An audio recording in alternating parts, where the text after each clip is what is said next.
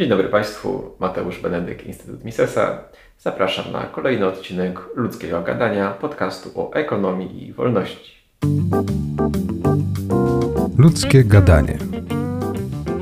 Podcast o ekonomii i wolności.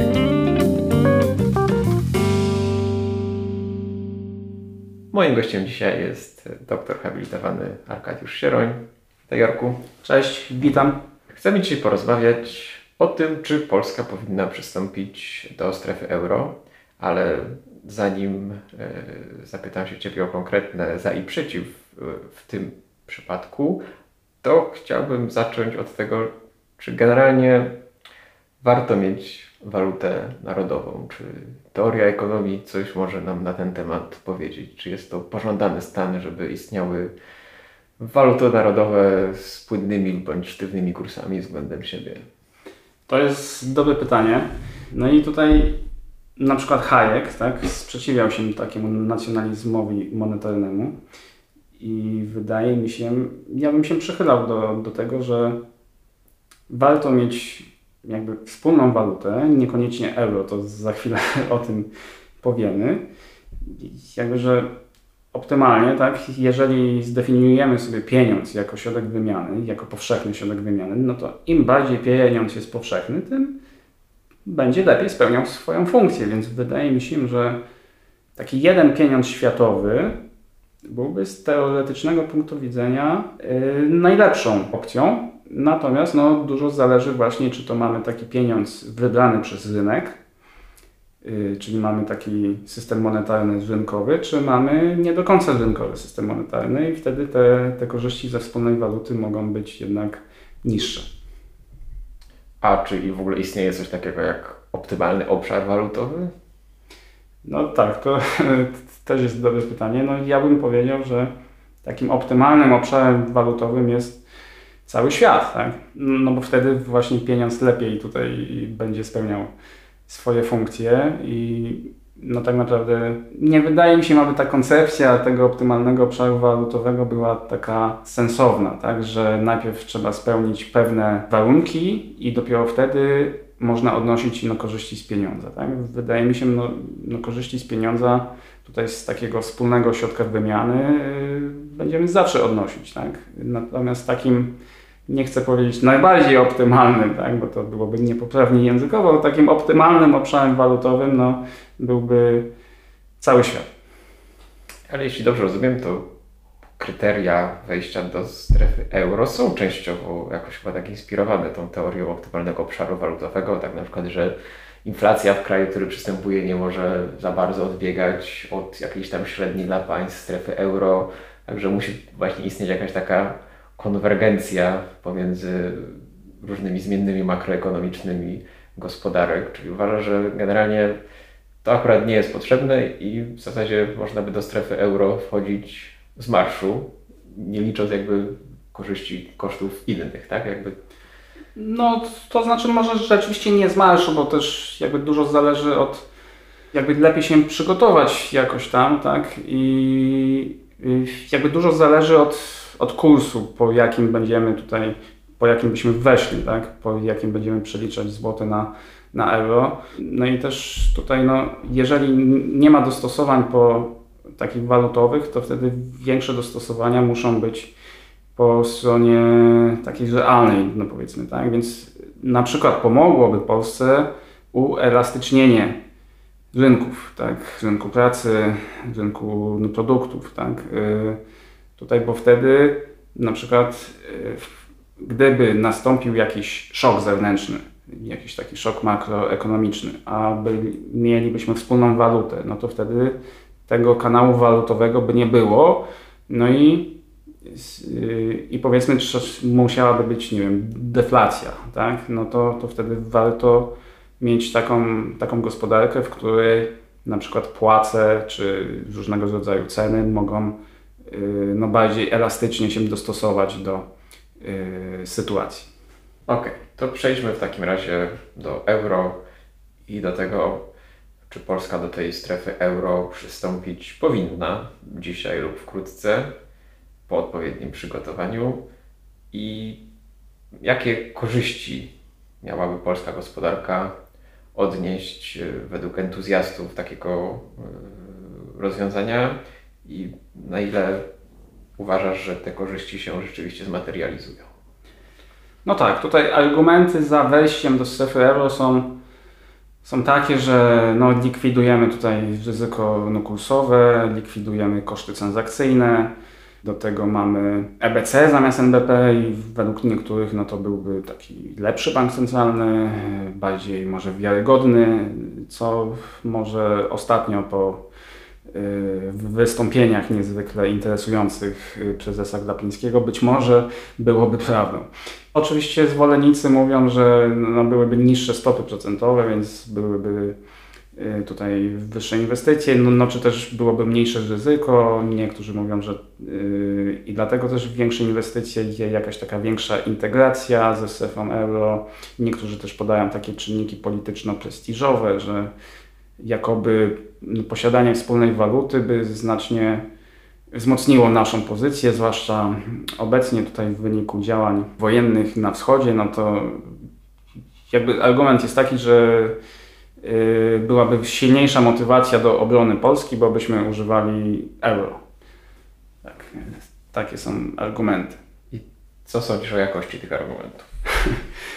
Y, no, jakby nie da się ukryć, że część tych argumentów jakoś tam jest zasadna, no w tym sensie, że rzeczywiście posiadanie wspólnej waluty no zmniejsza oczywiście i koszty transakcyjne i zmniejsza ryzyko kursowe. Tak?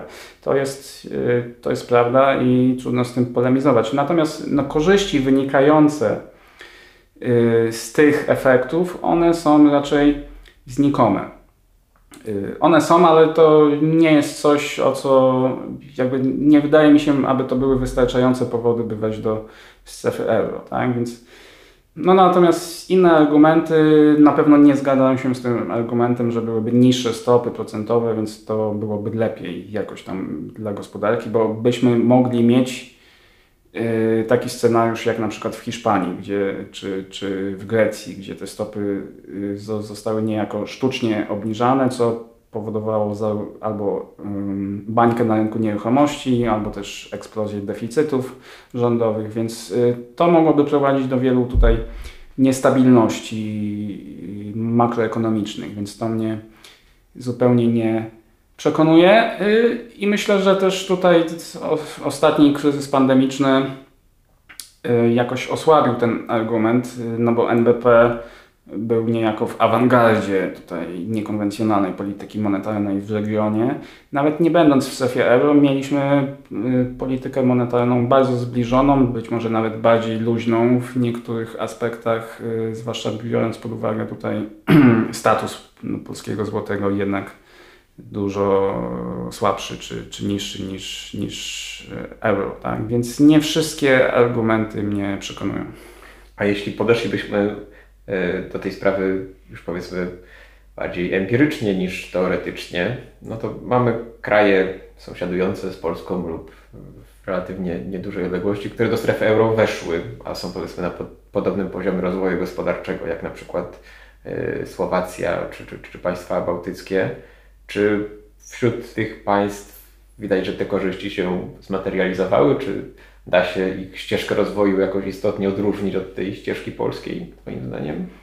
Dobre pytanie. Y, cieszę się, że je zadałeś, zwłaszcza, że jakiś czas temu byłem współautorem razem z, z Krzyśkiem Turowskim i z Joasią Turowską i napisaliśmy taki raport o strefie euro i z naszych badań empirycznych wynikało, że właściwie nie ma znaczenia, czy jesteśmy w strefie euro, czy nie. W sensie można znaleźć kraje, które są w strefie euro, które przeżywają poważne trudności gospodarcze, jak nie wiem, Grecja, Włochy.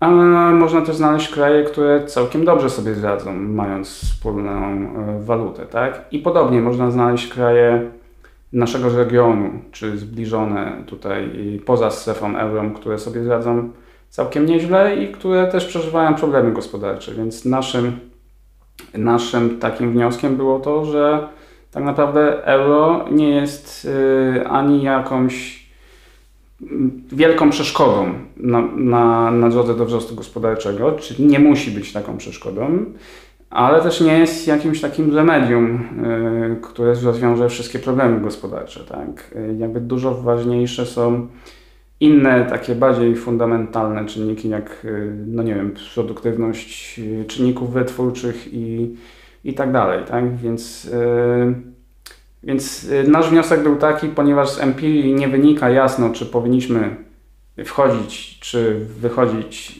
czy pozostawać poza strefą euro, no to lepiej chyba utrzymać status quo w tym sensie, że jest y, y, jakby tak z punktu widzenia zarządzania ryzykiem, tak? Mogą być pewne trudności związane tutaj z przyjęciem nowej waluty, tak? Można przyjąć po nieadekwatnym kursie i i później mieć pewne, pewne problemy, tak? Y, czy, więc y, uznaliśmy, że tutaj lepiej chyba rozsądniej będzie, dopóki przynajmniej nie zobaczymy w danych, tak, czy w analizach jakiejś takiej jasnej przewagi y, wynikającej z bycia w strefie euro, no to lepiej zachować status quo. Przy czym tutaj no, chciałbym zwrócić jednak uwagę, że, że, że to też nie wynika ten wniosek z, tak, z tego, co uważają niektórzy przeciwnicy euro, że lepiej mieć własną walutę, bo wtedy można prowadzić na przykład jak jest kryzys, inflacyjną politykę pieniężną i, i można, nie wiem, na przykład yy, osłabiać polskiego złotego. Jak nie jesteśmy zwolennikami i ja nie jestem zwolennikiem takiej polityki dewaluacyjnej, tak, czy nazwijmy ją w ten sposób. I historia pokazuje, że takie działania podejmowane w historii, na przykład przez Włochy, no, nie sprzyjały raczej aktywności gospodarczej. Tak? Więc yy, tak podsumowując yy, i cytując klasyka, no i jestem za, a nawet przeciw. Wspomniałeś na początku Friedricha Augusta von Hayeka, który był przeciwnikiem monetarnego nacjonalizmu, zwolennikiem istnienia homogenicznej międzynarodowej waluty, a jednocześnie, kiedy w latach 70. rozważano poważnie europejską integrację monetarną i stworzenie czegoś, co później wyewoluowało e, wspólną walutę euro, to był takiej integracji przeciwnikiem, tylko zamiast tego zaproponował oczywiście E, schemat denacjonalizacji pieniądza i to uważał za drogę e, bardziej sensowną do tego, żeby światowy pieniądz powstał, który nie tworzyłby takich zaburzeń monetarnych, jak robią to lokalne krajowe waluty. Jeśli dobrze rozumiem jego argumentację, to głównie bał się o to, że tak duży bank centralny, jak właśnie Europejski Bank Centralny, miałby zbyt dużą władzę, której mógłby zbyt łatwo e, nadużywać. Czy uważasz, że jest to ważne zagrożenie, które jakby wiąże się z wejściem do, do strefy euro? No, jak najbardziej, tak. E, tutaj nawet przed nagraniem wspomniałeś, że Europejski Bank Centralny ma już gdzieś jedną trzecią włoskiego długu publicznego, więc to mi się wydaje dobrze pokazuje tutaj pewne zagrożenia płynące tutaj z posiadania tak dużego banku centralnego, który może znacznie tutaj wpływać na rynki finansowe. Tak. Mm.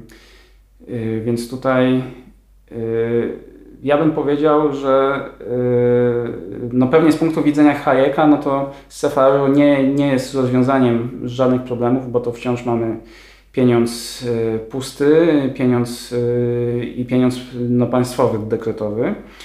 I do tego, no tutaj bym powiedział, dochodzą te czynniki jeszcze z, związane z posiadaniem takiej wspólnej strefy mo monetarnej, o, który, i o tych problemach doskonale pisał Filip Bagus w swojej książce y, Tragedia Euro, czyli że tutaj y, no, państwa próbują niejako przerzucać swoją inflację czy swoje deficyty rządowe i koszty z tego wynikające na całą strefę euro. Mamy taką tragedię wspólnego pastwiska, no bo Europejski Bank Centralny jakby może monetyzować długi poszczególnych rządów. Tak? Więc to jest taki dodatkowy problem. Yy, no i ogólnie bym powiedział, że strefa euro jest fundamentalnie niestabilnym tworem i dlatego byłbym ostrożny tutaj z wchodzeniem do tejże strefy i wydaje mi się, że mm, każdy kryzys y, pokazuje jednak y, problemy związane z tą strefą euro. To znaczy, po każdym kryzysie jednak ożywienie, na przykład w Stanach Zjednoczonych, jest dużo, dużo silniejsze niż w strefie euro. Tak? Ostatnio też dolar się no, umacniał y, względem euro. No choć to no może nie, nie, nie ma sensu wyciągać zbyt daleko idących wniosków, ale jakby każdy kolejny kryzys yy, prowadzi do tego, że Europejski Bank Centralny tutaj wprowadza coraz to nowe instrumenty polityki pieniężnej, coraz y, śmielej tutaj skupuje długi państw y, członkowskich. Mamy bardzo duże zadłużenie niektórych członków z strefy euro, tutaj mam na myśli głównie Włochy, więc nie jestem pewien, czy warto za wszelką cenę dążyć do tego, aby wchodzić do strefy euro.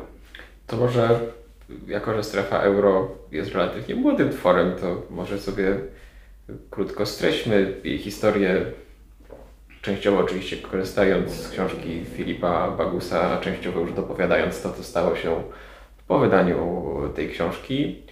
Ale tak, jeśli dobrze rozumiem, to Europejski Bank Centralny miał być generalnie wzorowany na Bundesbanku, na tym najbardziej e, wiarygodnym banku państw, które stworzyły e, strefę euro. I w związku z tym stworzono szereg takich bezpieczników, które sprawiałyby, że e, ten bank centralny nie będzie się łatwo poddawał naciskom politycznym, więc ma oczywiście prezesa, którego trudno odwołać e, i jest ta, ta cała otoczka niezależności, ale też jednocześnie właśnie, żeby wejść do strefy euro, to trzeba oczywiście podpisać traktat, zgodnie z którym dług publiczny będzie poniżej 60% PKB, deficyt finansów publicznych poniżej 3% e, PKB. E, więc jakby generalnie nie będzie powodów do tego, żeby bank centralny miał jakoś e, szczególnie interweniować. No i generalnie w traktatach europejskich jakoś tak istniała idea, że bank centralny nie powinien monetyzować długu publicznego, E, więc Europejski Bank Centralny nie skupował e, długu publicznego państw członkowskich, co najwyżej przyjmował jako zabezpieczenie ten dług e, w transakcjach repo, czyli takich transakcjach, że bank centralny najpierw kupuje jakiś właśnie papier wartościowy, a ta druga strona zobowiązuje się go odkupić po 30, 90 czy iluś dniach po trochę wyższej cenie. Tak więc jakby pożycza pieniądze od banku centralnego pod zastaw właśnie takiego aktywa, więc posiadał tylko, tak powiedzmy, krótkoterminowo i, i tylko na chwilę. I tak ten Europejski Bank Centralny działał w zasadzie do wybuchu kryzysu e, finansowego. E, jakie byś najważniejsze zmiany w tym układzie instytucjonalnym wskazał, jakie stały, miały miejsce od tamtego czasu?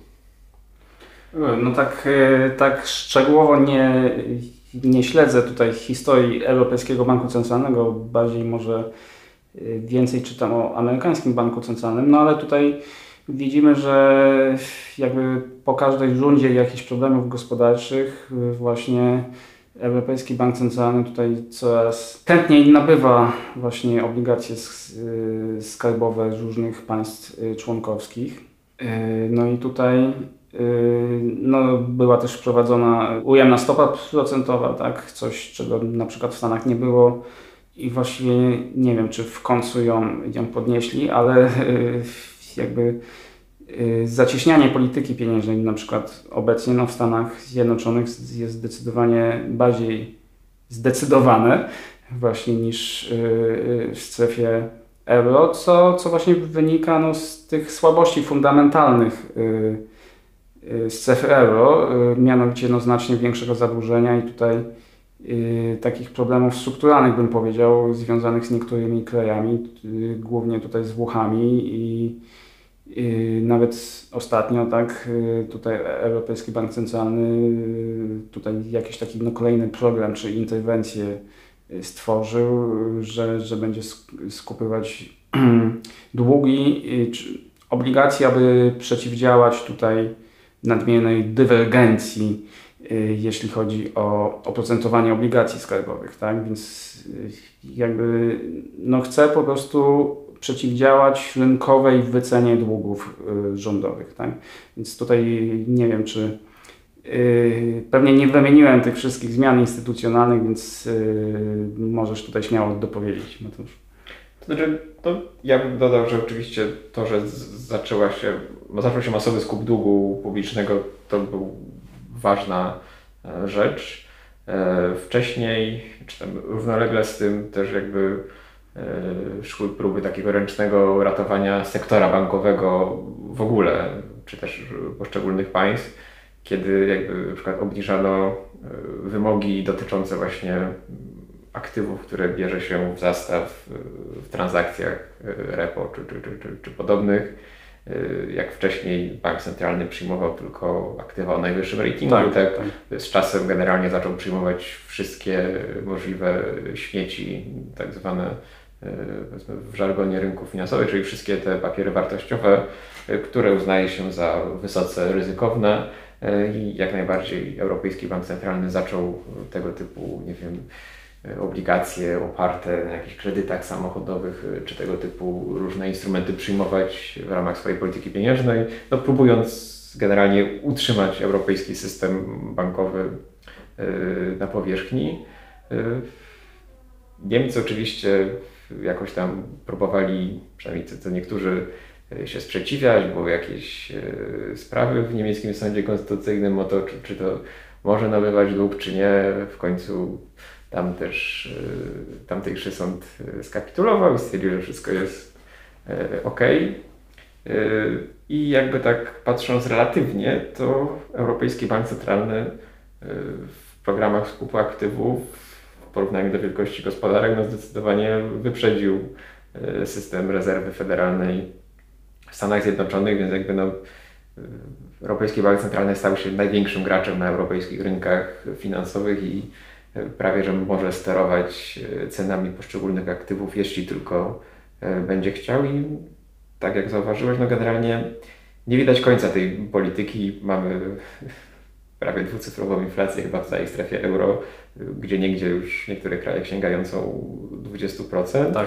a dotychczasowe kroki Europejskiego Banku Centralnego są, mówiąc delikatnie, nieśmiałe. Tak? Jest jakaś jedna podwyżka stóp procentowych, i niby zakończenie programu skupów aktywów, ale jednocześnie gdzieś tam boczną drogą wprowadzenie kolejnego programu skupu aktywów mającego przeciwdziałać e, temu właśnie, e, co, co, o czym mówiłeś, czyli temu na przykład obligacje włoskie, czy, czy, czy greckie, portugalskie, hiszpańskie, czy jakkolwiek inne mają rentowność dużo wyższą niż na przykład e, obligacje niemieckie.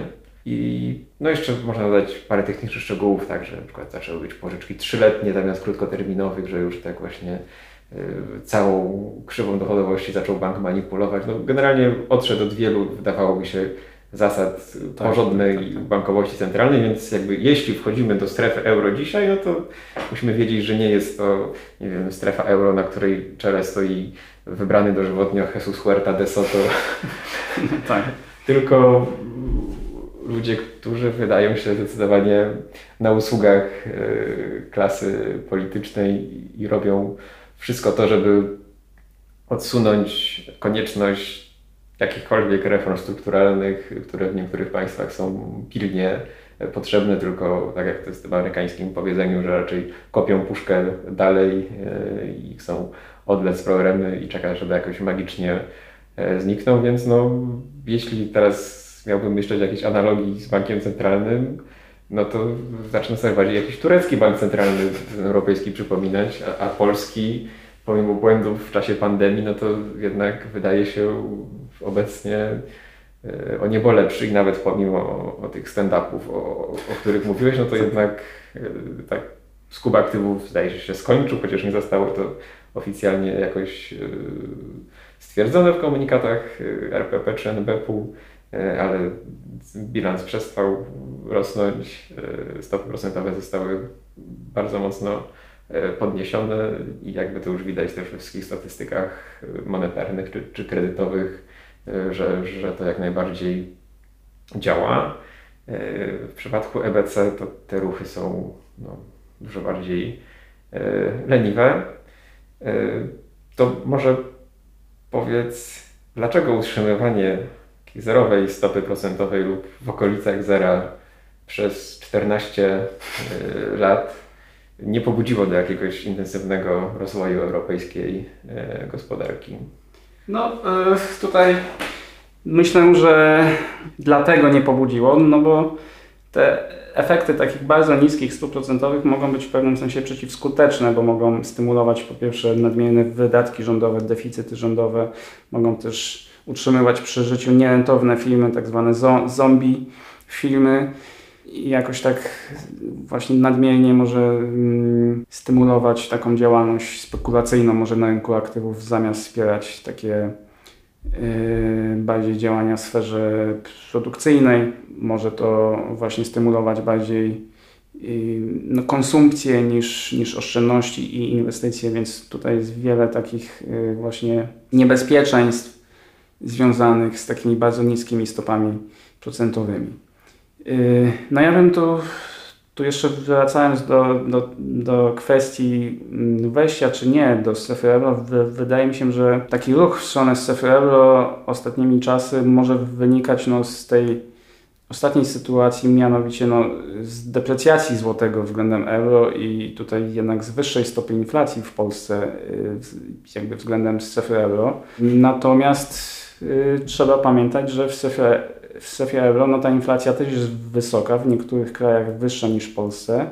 No i jakby to nie ma, nie ma gwarancji, że odpowiedź na przyszłe kryzysy jakby będzie w strefie euro yy, będzie lepsza niż, niż w Polsce. No, tu jest jakby duża taka niewiadoma. Wydaje mi się, że jednak co do zasady NBP jest bardziej konserwatywny. Akurat w tym, w tym kryzysie pandemicznym ta odpowiedź była chyba głębsza właśnie w Polsce, stąd wydaje mi się ta wyższa stopa inflacji niż y, przeciętnie tutaj w strefie euro. No ale tu też były inne czynniki, bo inflacja była podwyższona już wcześniej. Y, tutaj są dodatki osłonowe i tak dalej. Tak? Więc y, jakby no, częściowo zrozumiem te argumenty, że, że skoro jakby złoty się osłabił tak, względem euro, to może lepiej jest, no to euro jest jakby jakiś taki jest stabilniejsze, tak? Natomiast no to są ruchy cenowe i one nie powinny jednak, wydaje mi się, tutaj decydować o takiej decyzji, czy wchodzić do strefy euro, czy, czy nie, bo na przykład euro też osłabiło się względem dolara, tak? Ja bym osobiście, jeżeli miałbym już decydować, czy wchodzić do jakiejś tutaj strefy monetarnej, to bym wolał mimo wszystko jednak strefę dolarową niż strefę euro, e, biorąc pod uwagę te wszystkie problemy związane z funkcjonowaniem strefy euro. To jeszcze może wróćmy do jakichś takich argumentów za strefą euro, które są podnoszone, do których chyba jeszcze nie dotarliśmy. No, na przykład mówi się, że przedsiębiorstwa w strefie euro mogą się dużo taniej finansować niż w Polsce, w związku z czym ma pewną nieuczciwą konkurencją, tak? bo firma europejska może zaciągnąć kredyt po oprocentowaniu obowiązującym w strefie euro, zainwestować te pieniądze w Polsce i jakby ma niższy koszt kapitału niż analogiczna firma, która e, tutaj działa, więc jakby mam do czynienia z pewnym no, zniekształceniem konkurencji. E, czy, czy, czy, czy w takim razie nie warto jednak tego typu zniekształcenia likwidować? Mhm. No tak, to, to jest ciekawa kwestia, ale wydaje mi się, że biorąc pod uwagę tutaj, jak bardzo połączone są rynki kapitałowe, jak bardzo rozwinięte są rynki kapitałowe, to już nie jest taki duży problem, bo przedsiębiorcy też mogą zdobyć takie finansowanie, jeśli nawet nie bankowe, to, y, to mogą Y, emitować obligacje na, na wspólnym rynku, tak? czy, czy mogą pozyskiwać w ten sposób no, kapitał nie tylko w polskim złotym, ale także tutaj w euro. Tak? Więc nie wiem na ile to byłby taki mocny, mocny argument za, za strefą euro.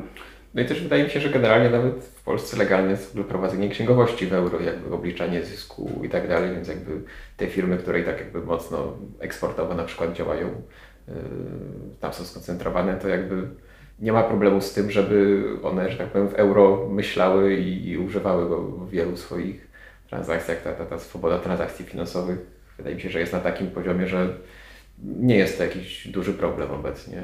Tak, no wiadomo, są pewne no, koszty transakcyjne i powiedzmy kognitywne z tego faktu, że trzeba jakoś przeliczać, tak? ale to też no, w obecnych czasach, kiedy mamy tutaj notowania, no to jest kilka kliknięć, tak? więc to też nie jest duży problem. Tutaj no, no prowadzenie księgowości w innej walucie może jest już trochę bardziej tutaj skomplikowane, ale no, tak jak mówiłem, tutaj mamy decyzję jakby w jakim być systemie monetarnym, tak? Czy z jakim bankiem centralnym chcemy działać. To są bardzo ważne decyzje i, i wydaje mi się, że te korzyści takie transakcyjne nie powinny jednak decydować o tym, bo to rząd ewentualnych korzyści jest dużo mniejszy niż ewentualne e, tutaj ryzyka czy zagrożenia. W takim razie, czy jakby, czy możemy sobie wyobrazić z jednej strony, a jakieś unijne reformy dotyczące funkcjonowania EBC, które by Cię skłoniły do tego, żeby te kwestie przemyśleć, a z drugiej strony, czy da się jakoś powiedzmy wzmocnić instytucjonalnie Narodowy Bank Polski, tak żeby takie wypadki jak w czasie pandemii stały się mniej możliwe, tak żeby jakby ta polska waluta była jednak e, twardsza, powiedzmy. Mhm. No, to jest dobre pytanie i no tutaj trudno właściwie na poziomie takim instytucjonalnym czy, czy no konstytucyjnym, tak? No bo teoretycznie Europejski Bank Centralny tutaj wiadomo nie może monetyzować y, bezpośrednio y, długu, tak? Y, w swoim jakby w swoim mandacie tak zwanym ma, ma tylko inflację, więc się wydaje bardzo konserwatywny. A mimo to, mimo to jest jednym z bardziej gołębich tak zwanych banków centralnych na świecie, więc yy, wydaje mi się, że to, co by mogło pomóc tutaj z strefie no to yy, rozprawienie się tutaj z tymi trupami w szafie, czyli jakaś restrukturyzacja yy, długu niektórych państw.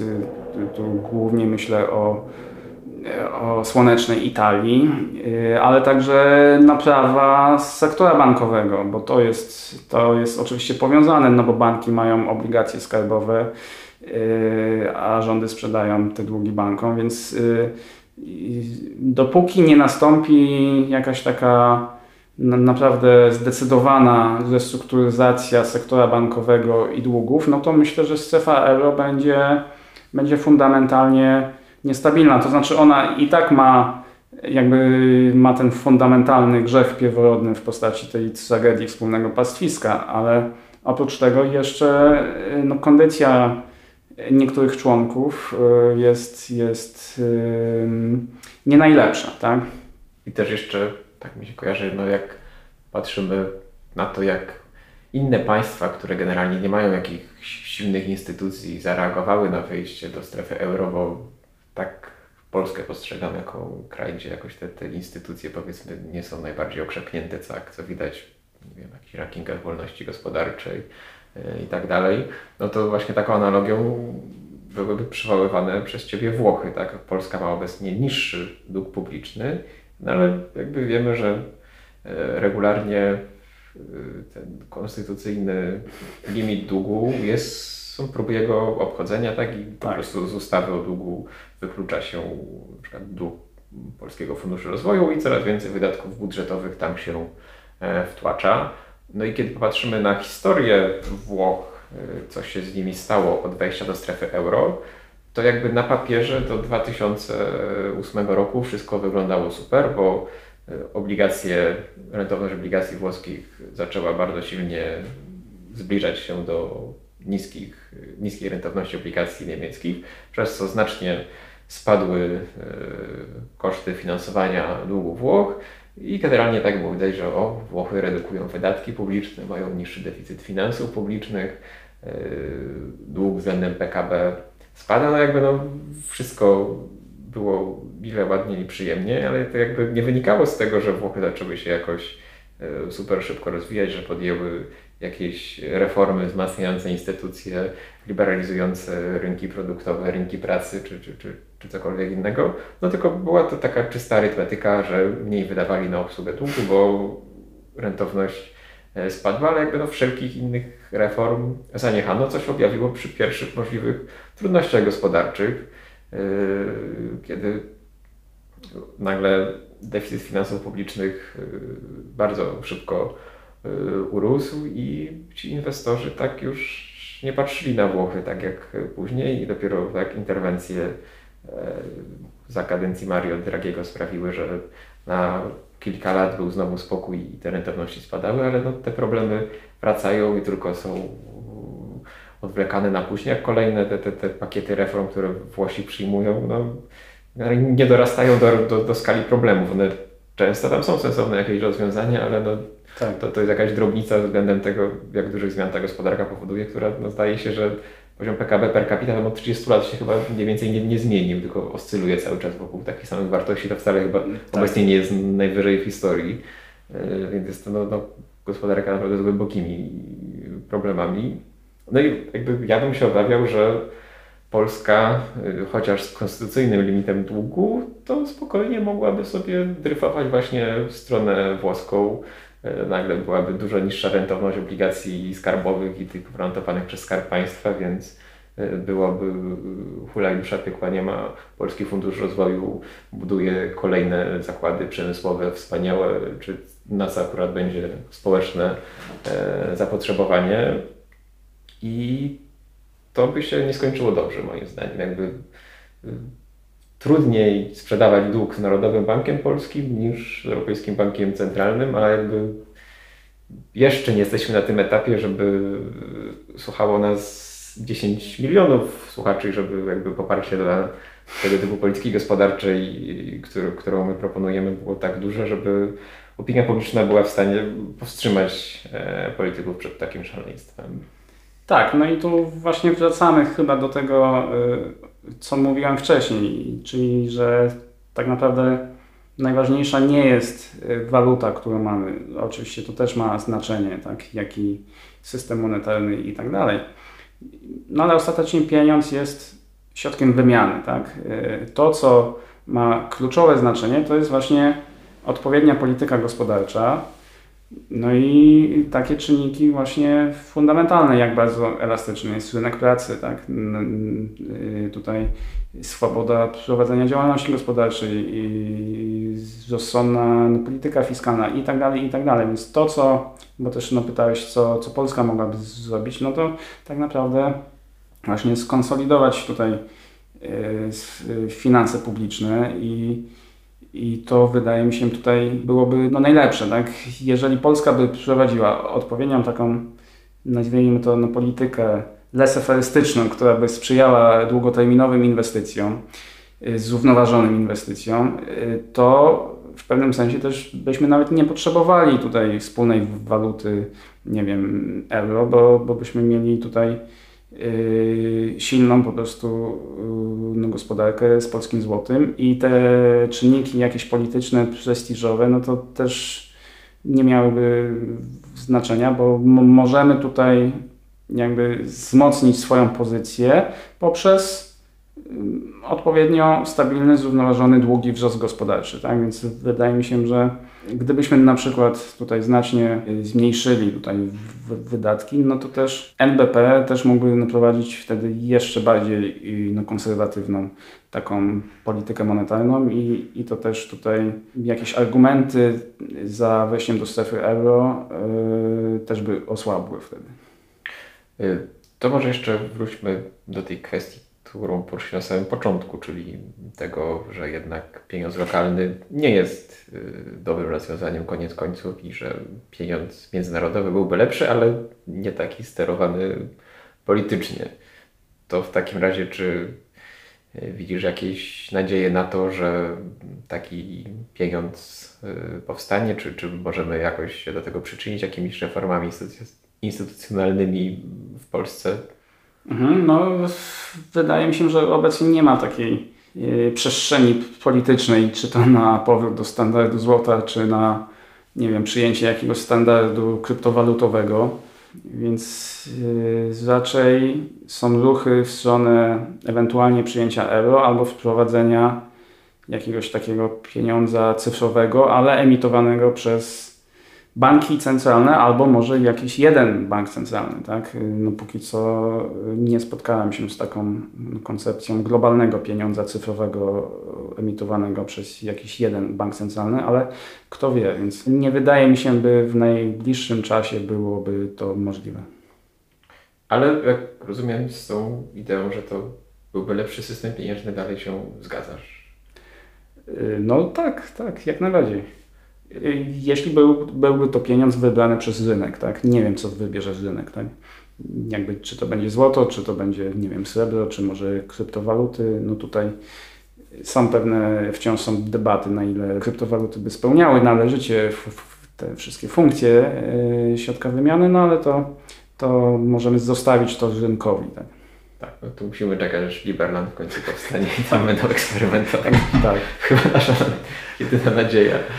Chociaż oczywiście tak można liberalizować wszelkie prawo związane tak z obsługą płatności, księgowością i tak dalej, tak żeby Tak. handel kryptowalutami, złotem, srebrem czy cokolwiek innym, co, co może No i- za, za jednostkę pieniężną. Denacjonalizować pieniądz, tak? Tak, tak, tak. Zdecydowanie.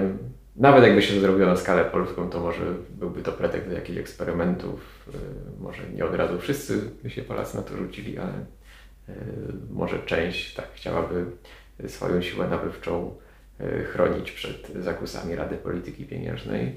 W takim razie dziękuję Ci za tę rozmowę. Dziękuję. Y, Państwu polecam oczywiście lekturę Tragedii Euro oraz y, raportu, o którym wspomniał Arek, do którego link znajdziecie w opisie tego podcastu. Subskrybujcie też nasz kanał na YouTubie lub y, zapiszcie się na powiadomienia w tym kanale podcastowym, z którego korzystacie. Do usłyszenia.